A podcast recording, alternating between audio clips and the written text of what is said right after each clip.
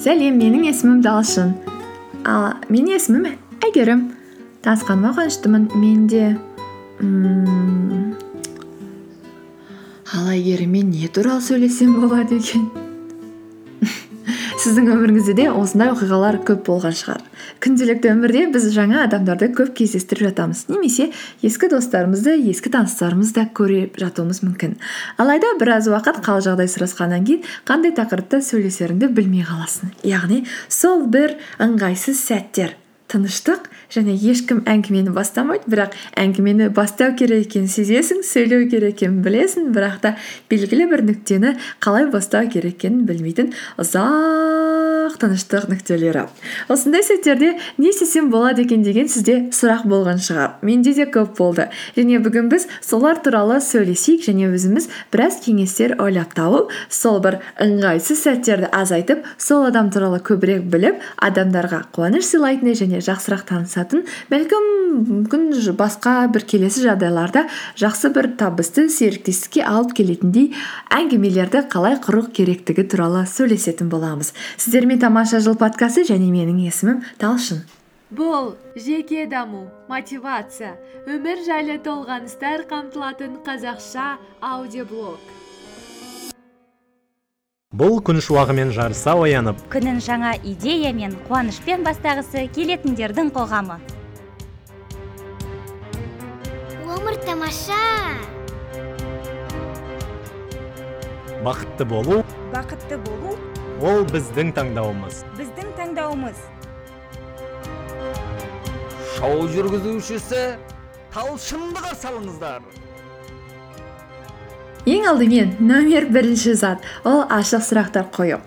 Көп байқаған боларсыз. Егер де сіз бір жаңа адаммен тұрсаңыз және немесе ескі танысыңызбен онда сіз егер де ой бүгін қандай жақсы күн?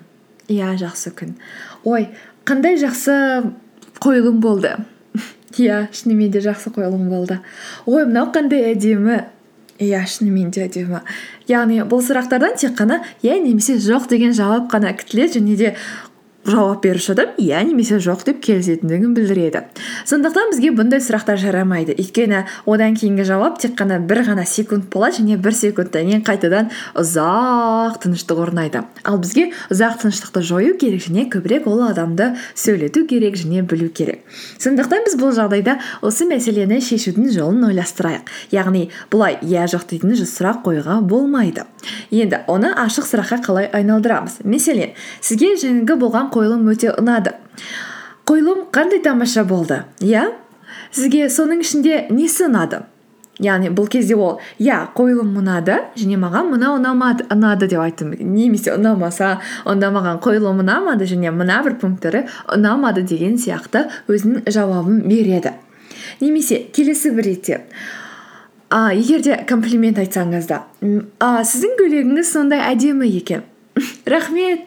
Осымен әңгіме бітіп қалуы мүмкін. Алайда сіздің көйлегіңіз сондай әдемі. Бұны қай жерден алдыңыз десеңіз бәлкім сіз ол адамды одан ары қарай сізге тартасыз және оның ашылуына көмектесесіз.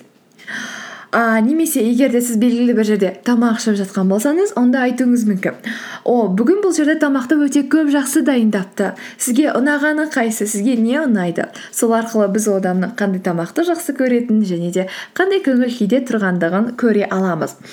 Сұрақтарды ашық сұрақтарды қойған кезде сол жерде болып жатқан оқиғалармен байланыстырып қойсақ болады. Сол арқылы біз сол жердегі сол болып жатқан оқиғаларды және сол адамды байланыстыра отырып ортақ заттарды табамыз.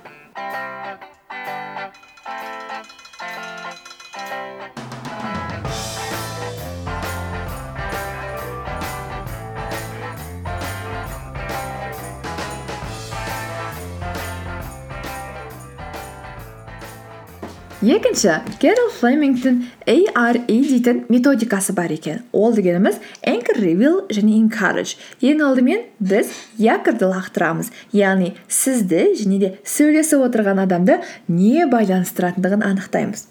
Ол үшін әрине кез келген бір оңай тақырыптан бастасақ болады. Ауа райы қандай немесе сол жердегі жағдай не болып жатыр сізге ұнайтын зат немесе ұнамайтын зат кез келген бір оқиғадан бастаймыз. Екінші ревил яғни біз сол адамның адамның алдында сәл пәл ашыла аламыз өзіңіздің жеке бір оқиғаңызды айтып берсеңіз болады. Сол күні болған бір оқиға немесе соған сол қазіргі болып жатқан шарамен байланысты сіздің оқиғаңыз әйтеуір кез келген сіздің жеке өзіңізді анықтайтын белгілі бір оқиғамен бөлісіңіз. Немесе сол шараға келе жатқан жолда болып жатқан оқиғалар немесе бүгін сізбен болған оқиға. Кез келген нәрсе. Біз сол арқылы өзіміздің сәл пәл ғана жеке құпиямызды сол адамға сеніп тапсыруымыз арқылы екеуміздің арамызда байланыс орнайды. Үшінші жаңағы бөлімі ол encourage деп аталынады. Яғни біз өзіміз туралы ақпаратты бергеннен кейін енді сол адам туралы ақпаратты алуға тырысамыз. Ол адамға жаңағы бірінші методта айтқанымыздай ашық сұрақтар қою арқылы ол адамды сөйлеуге шақырамыз.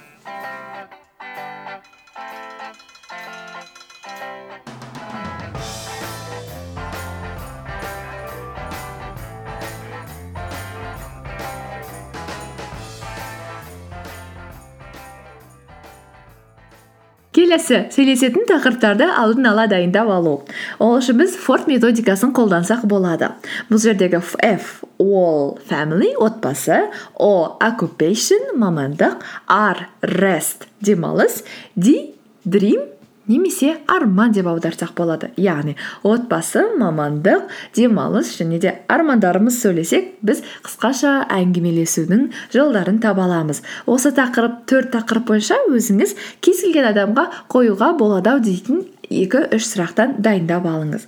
Көп мамандар егер де қысқа ғана әңгіме айтқыңыз келсе өзіңіз танымайтын адамдармен әңгіме бастағыңыз келсе әдетте саясат дін немесе өткен шақтағы белгілі оқиғалар қайта келу сияқты тақырыптарды қозғамауды ұсынады.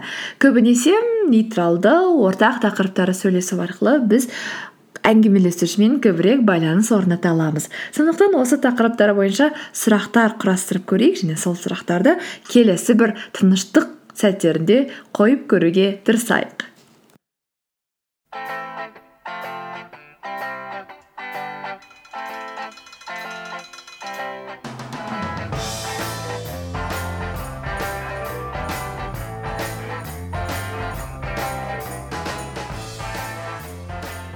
Келесі есте болатын нәрселер ол әрине қолымызды жауып алып тұру емес көбінесе ашық болу. Біз қолымызды дұрыс ұстау арқылы ашық екендігімізді және де әңгімеге дайын екендігімізді көрсетеміз. Сонымен қатар сөйлесуші адамға әрине жақсы сөздер айту реті келсе комплименттерін жеткізу ыыы және де оқиғаға ары қарай әңгімеге өзіміздің қызығушылығымыздың жоғары екендігін көрсету арқылы энергетикалық тамаша әңгімені ары қарай жалғастыру.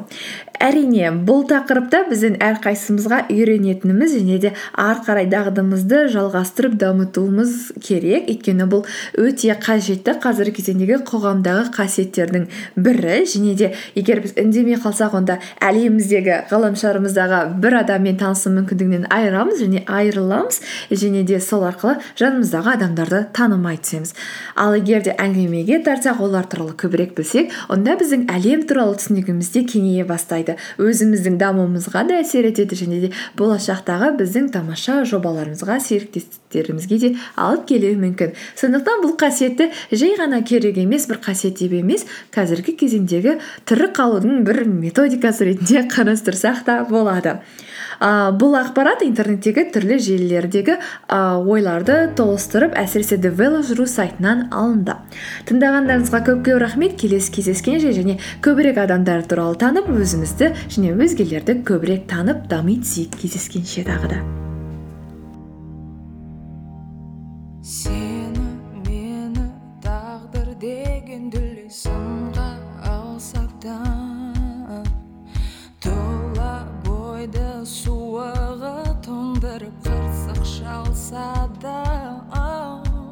Алла сұрып алданып ашының дәмін татсаң да